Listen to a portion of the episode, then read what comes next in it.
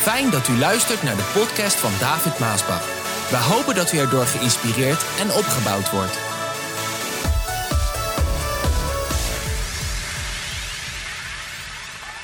Hoe staat de kerk er vandaag voor?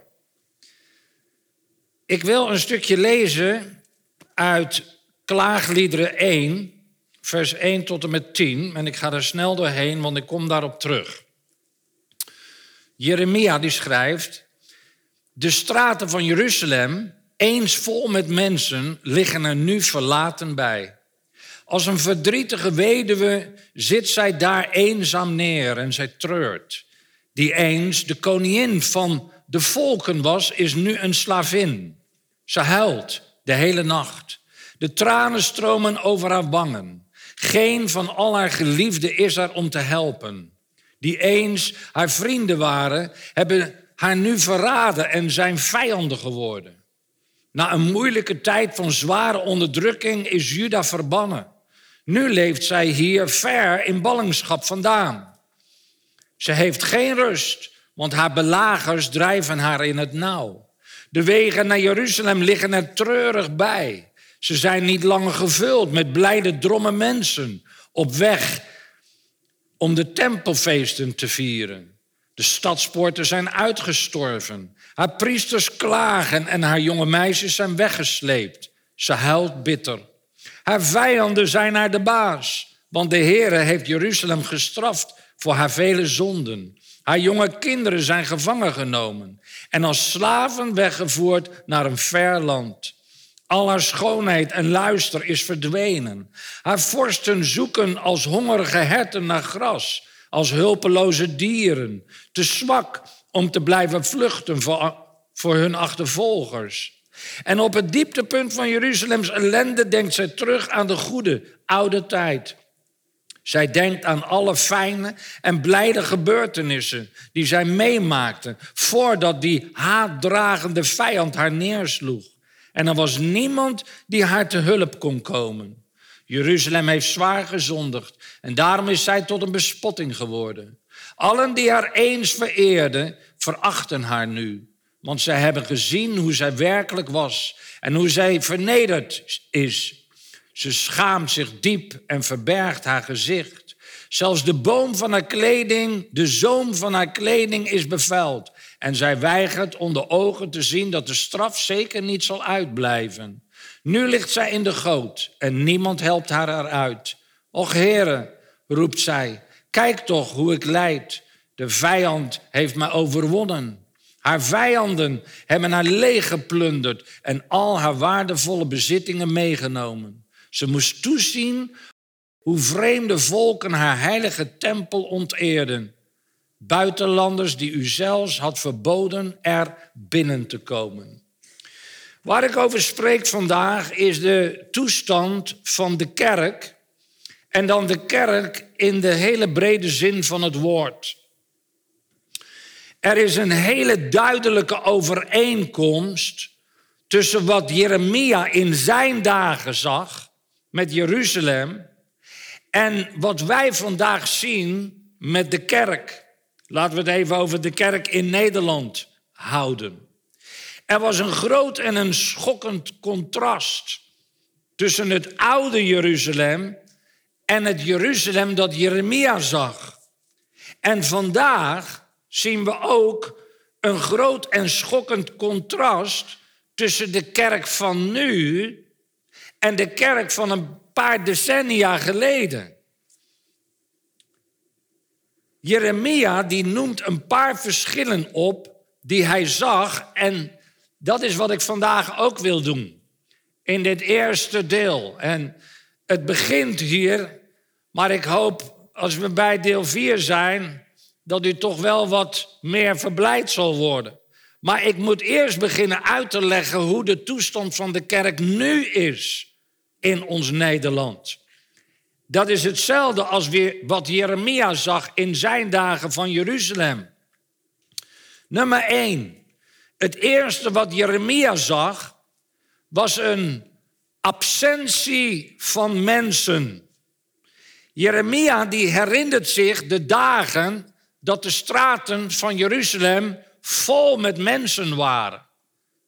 Wat ik vandaag zeg over de kerk, dat heb ik net wat sneller gelezen en dat zet ik even nu uiteen. Wat hij zag. Hij zag een absentie van mensen en hij, en hij wist hoe het vroeger was. Het resultaat daarvan dat het leeg was, dat de straten leeg waren. Het resultaat daarvan is dat de kerkbanken elke zondag vroeger vol zaten met mensen. Jong en oud. En alles ertussenin ging op naar, naar de kerk. De kerkklokken hoorde je al luiden. Elke zondagmorgen hoorde je door het hele land, door heel Nederland, in elk dorp, in elke stad, hoorde je de kerkklokken luiden. En dat was de oproep voor de mensen om met hun gezinnen op te gaan naar de kerk. En dan niet alleen op zondag, maar ook op de christelijke hoogtijdagen. Pasen en hemelvaart en Pinksteren en kerstfeest. En de speciale evangelisatiediensten. Die werden ook druk bezocht binnen de evangelische Pinksteren gemeente. En niet alleen dat, maar ook de doordeweekse bidstonden, die werden druk bezocht. Maar lieve mensen, wat Jeremia nu ziet, is een ander Jeruzalem. Hij zegt in vers 1, de straten van Jeruzalem eens vol met mensen, eens, eens, vroeger vol met mensen, liggen er nu verlaten bij. Als een verdrietige weduwe zit ze daar eenzaam neer en ze treurt. Dat is het beeld van de kerk van vandaag in Nederland. Een paar decennia geleden zaten alle kerken in Nederland vol met mensen. Jongens en meisjes. Die werden al op school en die werden thuis al heel vroeg geleerd om op zondag naar de kerk te gaan. Dat was een gewoonte. En dat werd ook in de praktijk gebracht.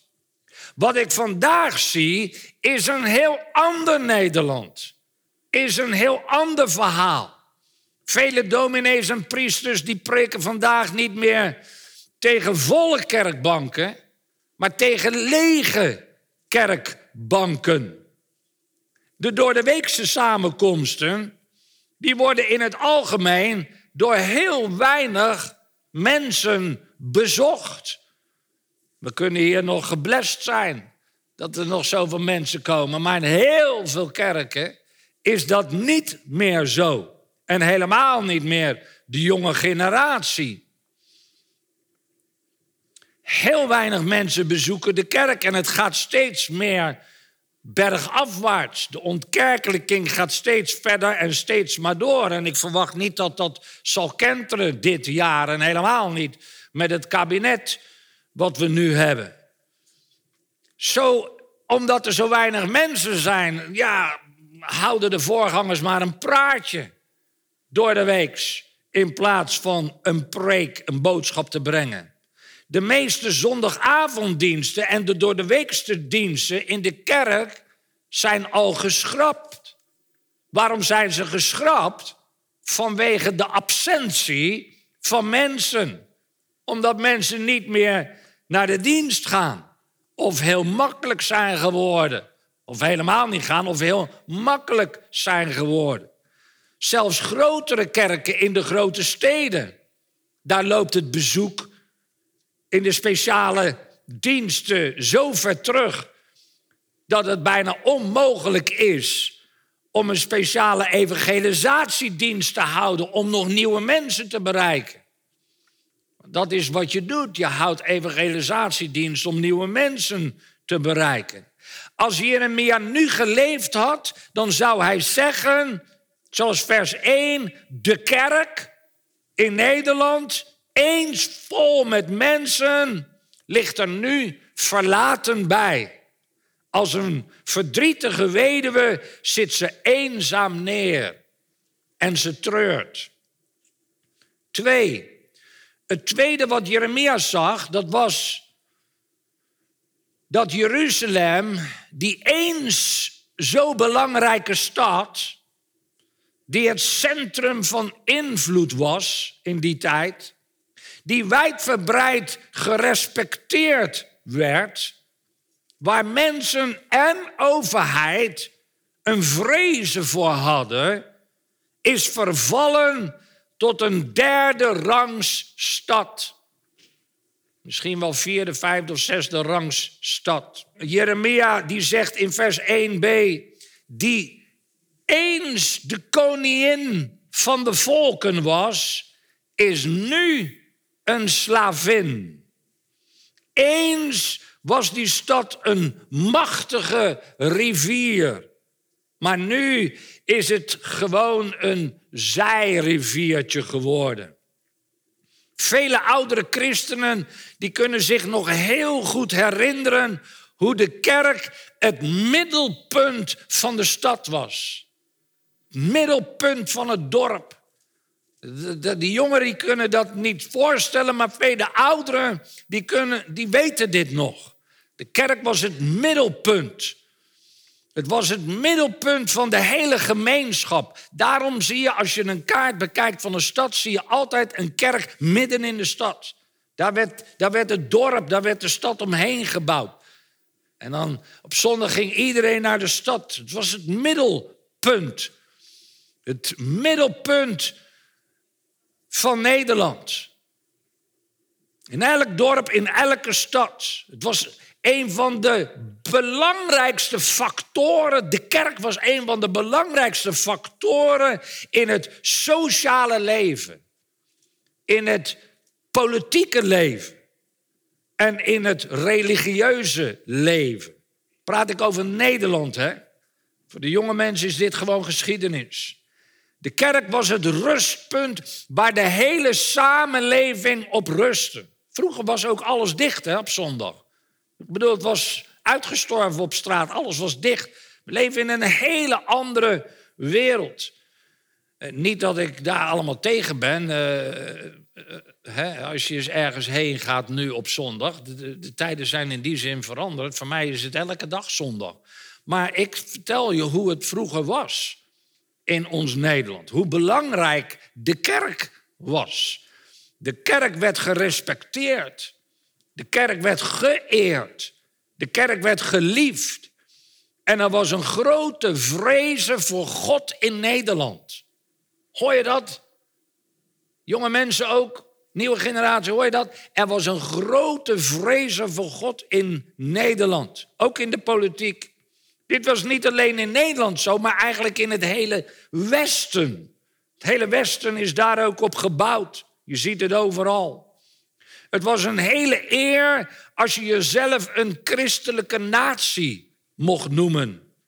En je mocht jezelf pas een christelijke natie noemen als de hoofdstroom in je land de kerk was. Al het andere, dat waren zijriviertjes die iets bijdroegen aan die hoofdstroom, de kerk. Nou, hoe staat de kerk er dus voor? Vandaag in ons Nederland?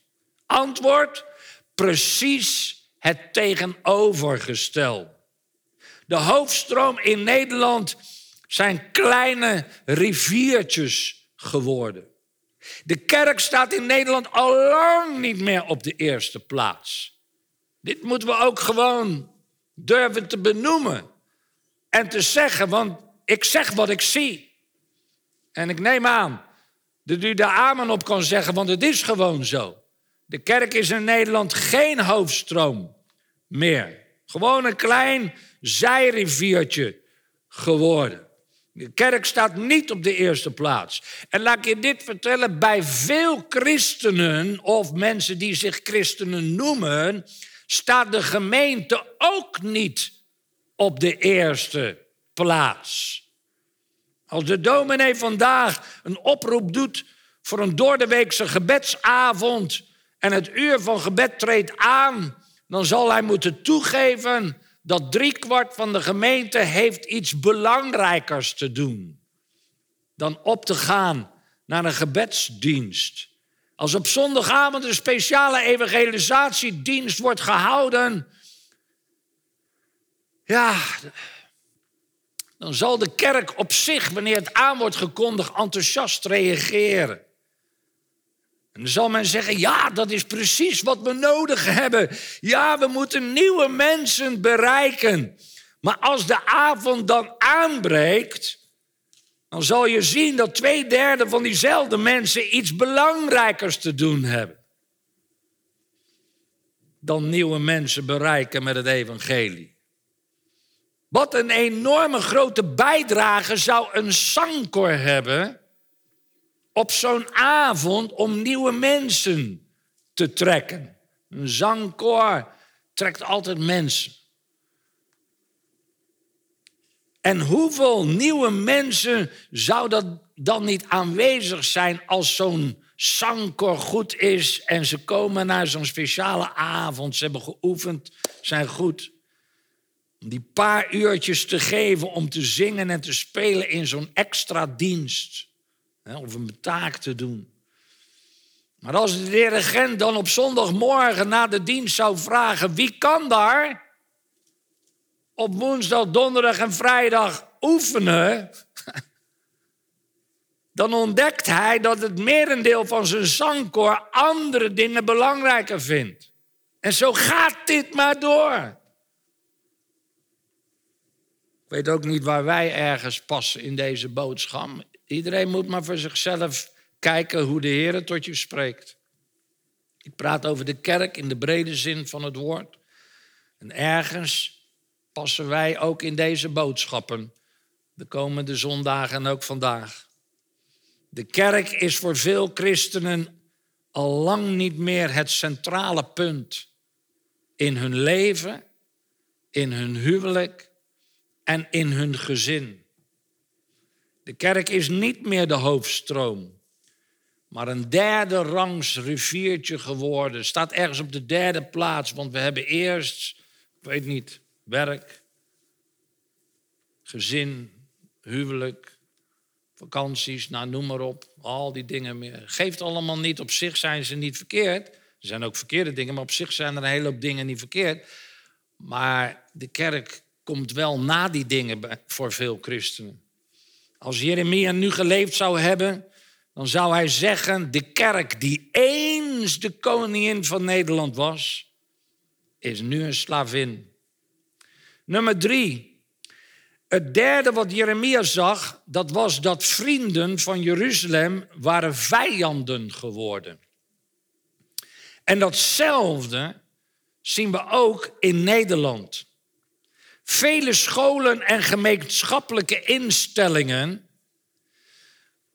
waarvan notabene die instellingen, die scholen en gemeenschappelijke instellingen, vele niet allemaal, door de kerk zelf zijn gesticht. En dan moet je een beetje geschiedenis kennen van vroeger, want, want daar komen de ziekenhuizen en de scholen, dat, de educatie, dat komt werd veel door de kerk werd gesticht in het verleden. Dus velen zijn daardoor gesticht. En diezelfde scholen en instellingen die door de kerk zijn gesticht, gesticht spenderen veel tijd, geld en energie om het werk van God te vernietigen. Vandaag. In plaats van het te bouwen. De kerk te bouwen. In plaats dat zij hun stand innemen en de Bijbel, het woord van God, hoog houden en verdedigen, wat er in dat boek staat, wat wij geloven dat Gods woord is, in plaats daarvan ontkennen ze de waarde en de kracht ervan.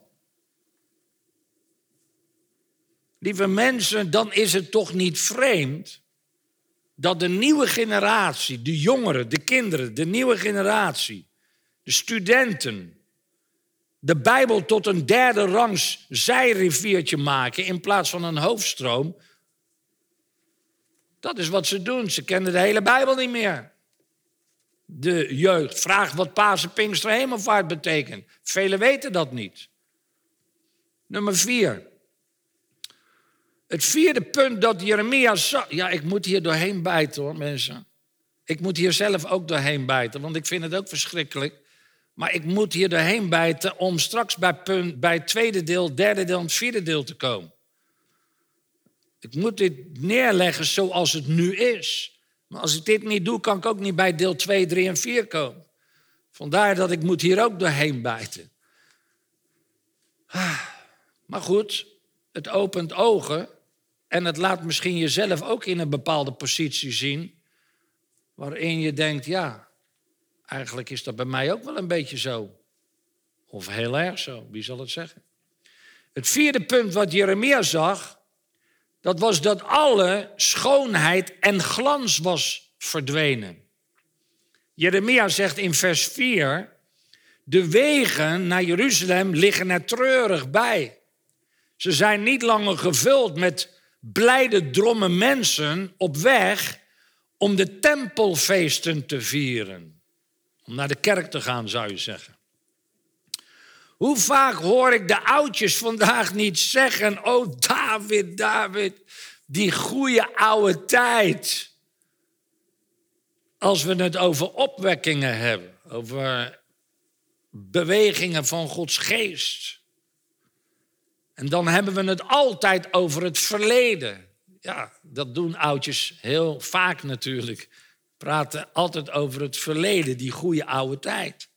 De betrokkenheid, het enthousiasme, de vurigheid, de inzet, de vrijwilligheid, de bereidheid, de getrouwheid. Ook zo'n woord wat vandaag vaag is geworden. Getrouwheid. De offervaardigheid. Het bouwen. Die goede oude tijd. Vele christenen die praten meer in wat God in hun leven heeft gedaan dan wat God in hun leven vandaag doet. Het hart van Jeremia was bezwaard. En daarom zegt hij in vers 7, toen hij dat zag, op het dieptepunt van Jeruzalems ellende, denkt zij terug aan die goede oude tijd. Als Jeremia nu geleefd zou hebben, dan zou hij zeggen, op het dieptepunt van de kerk, denkt zij terug aan die goede oude tijd. En dat doen vele ouderen vandaag. Denken terug aan die goede oude tijd, hoe de kerk was vroeger. De meeste dominees en priesters die denken terug naar die goede oude tijd. Toen hun kerkbanken nog vol met mensen zaten. Ze denken terug aan die succesvolle doordeweekse gebedsdiensten. Aan de opwekkingsdiensten die soms wel tot s'avonds laat of middernacht duurden. Ja, die goede oude tijd. Vijf. Het vijfde wat Jeremia zag in dat contrast tussen hoe Jeruzalem vroeger was en nu, en wat ik in vergelijking breng met hoe de kerk vroeger was en nu is, het vijfde wat hij zag, zie ik ook. Het brak zijn hart, het breekt mijn hart. En dat is het goed is, als je de kerk lief hebt, moet het jouw hart ook breken. Jeremia zegt in vers 10, haar vijanden hebben haar leeggeplunderd en al haar waardevolle bezittingen meegenomen. En dan zegt hij er nog achter, ze moest toezien hoe vreemde, vreemde volken naar heilige, haar heilige tempel onteerden. En dit is precies wat wij vandaag in onze hedendaagse moderne kerk in Nederland ook zien. Hoeveel kerken zijn er niet die vandaag, en helemaal die kerken met hun regenboogvlaggen, hoeveel kerken zijn er niet die vandaag een bordje buiten de deur zouden moeten hangen waar dan op staat kerk voor heidenen? Want dat is wat het geworden is. Hoeveel dominees en priesters staan er niet op de kansel die helemaal niet in God geloven? En helemaal niet in zijn woord geloven. Die het ontkennen of er een verhaal van maken. Mooi verhaal met mooie woorden. Waar de mensen geen snars van begrijpen. Hoeveel dominees, priesters, zonderschoolleiders, zangleiders, koorleiders, diakenen, oudsten, godsdienstleiders, bitschoppen, kardinalen, noem ze allemaal op, want ik praat over de breedte van de kerk. Hè? Hoeveel zijn er nog? Hoeveel zijn er niet die nog nooit en nimmer een godservaring, vind ik een mooi woord, een godservaring in hun leven hebben gehad? Vraag het mij af. Lieve mensen, dat zijn allemaal zaken die Jeremia zag. Die ik ook vandaag zie. En als je ogen open zijn, zou je moeten zeggen amen, want die zie ik ook. We willen het eigenlijk niet zien en liever praten we er ook niet over. Maar ik moet dit benoemen, hoe het nu is om straks in deel 2, 3 en 4 te kunnen komen. Deze zaken beschrijven precies wat Jeremia zag, hoe de kerk er ook vandaag in Nederland voor staat. En met het zien van al deze dingen gaat Jeremia de straat op. Hij zag het en hij was bedroefd en dan gaat de straat op en dan vraagt hij aan voorbijgangers in vers 12, wat betekent dit dan niks voor jou? Betekent dit niks voor jou? Eigenlijk zeg ik hetzelfde tegen jou hier vandaag, iedereen en ook in de social media kanalen. Als je dit hoort en ik schets de kerk van vandaag, dan vraag ik jou, betekent dit niks voor jou? Jeruzalem eens vol met mensen. Nu zijn ze weg.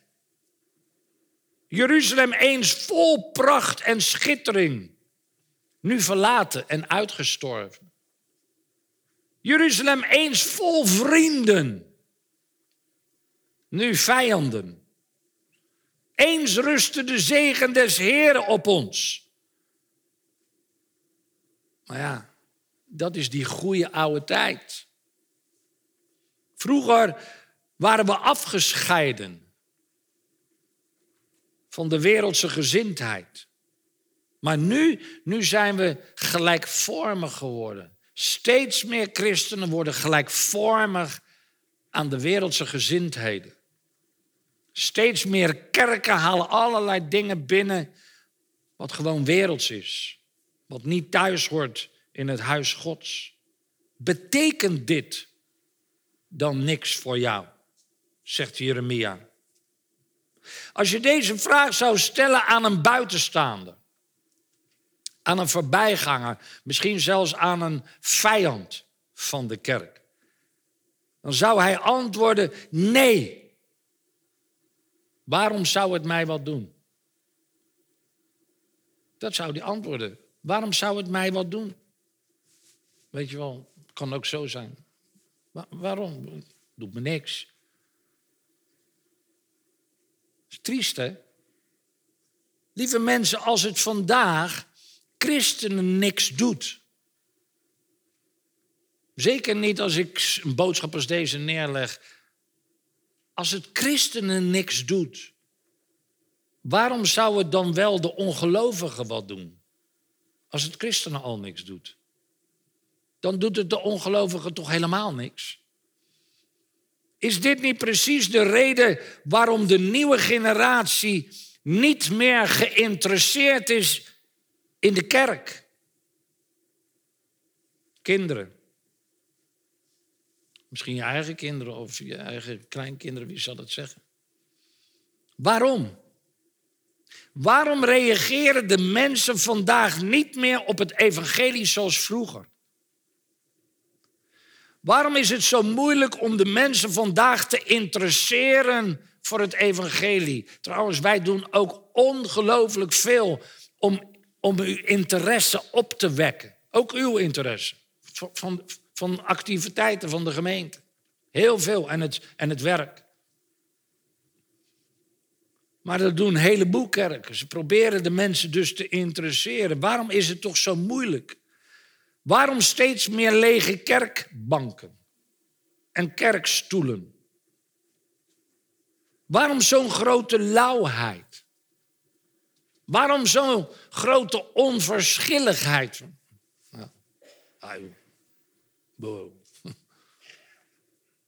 Waarom doet het de mensen niks meer? Er was maar één antwoord toen, in de tijd van Jeremia, en er is maar één antwoord vandaag, voor nu. De wereld is niet geïnteresseerd omdat de christenen niet geïnteresseerd zijn. Het doet de ongelovigen niks omdat het de gelovigen niks doet. Men is lauw, makkelijk. Nou, het zal allemaal wel. Lieve mensen, dit is hoe de kerk er vandaag voor staat. Dit is de wortel van dit alles waar ik het over heb.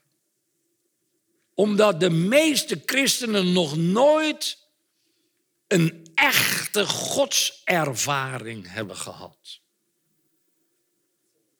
Dat is waarom. Ze hebben nog nooit een echte godservaring gehad. Jezus die noemt dit in Johannes 3 een wedergeboorte. Dat is de kern van de zaak. Met andere woorden, ze hebben nog nooit een echte ontmoeting gehad met Jezus Christus. Ze missen hierdoor die innerlijke drijvende kracht van de Heilige Geest, van dat vuur, om God elke dag te ervaren. Misschien zeg jij vandaag, ja maar David, wat moet ik dan doen? En ik hoop als anderen dit via onze social media kanalen noemen, als de kerk in de algemeenheid dit hoort, deze boodschap hoort, en dan na zo'n boodschap ervaart, ja, dit is bij mij eigenlijk ook zo. En dan vraagt, wat moet ik dan doen? Nou, Petrus geeft ons in handelingen het antwoord. Simpel. Eén, bekeer je. Twee, laat je dopen. En ik zou daarbij zeggen, laat je dopen door onderdompeling, zoals de Bijbel ons dat laat zien.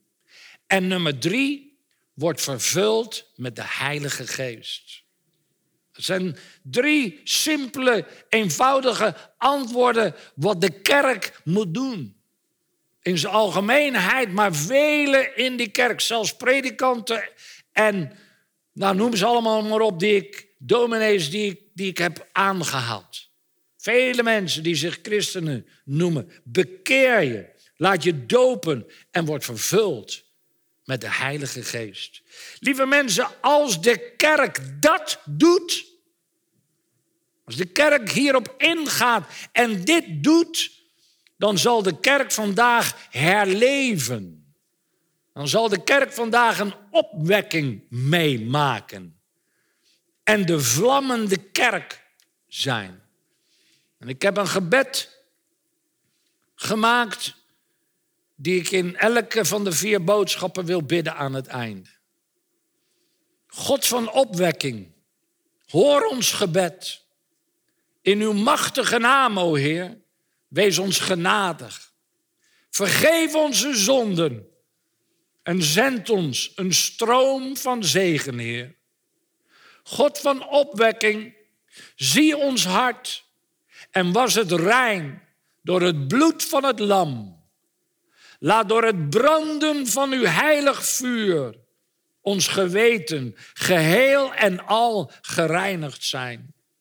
God van opwekking, maak ons één in het werk dat u ons gegeven heeft te doen. Help ons bidden en vol te houden tot het eind. God van opwekking, u heeft ons lief en bent liefde zelf. Herstel in ons hart de blijdschap, de vreugde, de vrede en de rust. Stort uw geest uit zoals voorheen en sterk ons hart, o Heer. God van opwekking, schenk ons alstublieft dit, dat u zondaars redt, gebondenen bevrijdt en zieken geneest. Ja, Heer, maak ons getuigen vandaag van uw trouw en uw grote kracht. Maar bovenal, hoor vandaag ons oprecht gebed.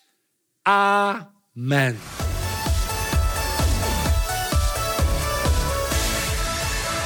Bedankt voor het luisteren naar deze podcast. Wilt u meer preken beluisteren? Ga dan naar message.maasbachradio.com.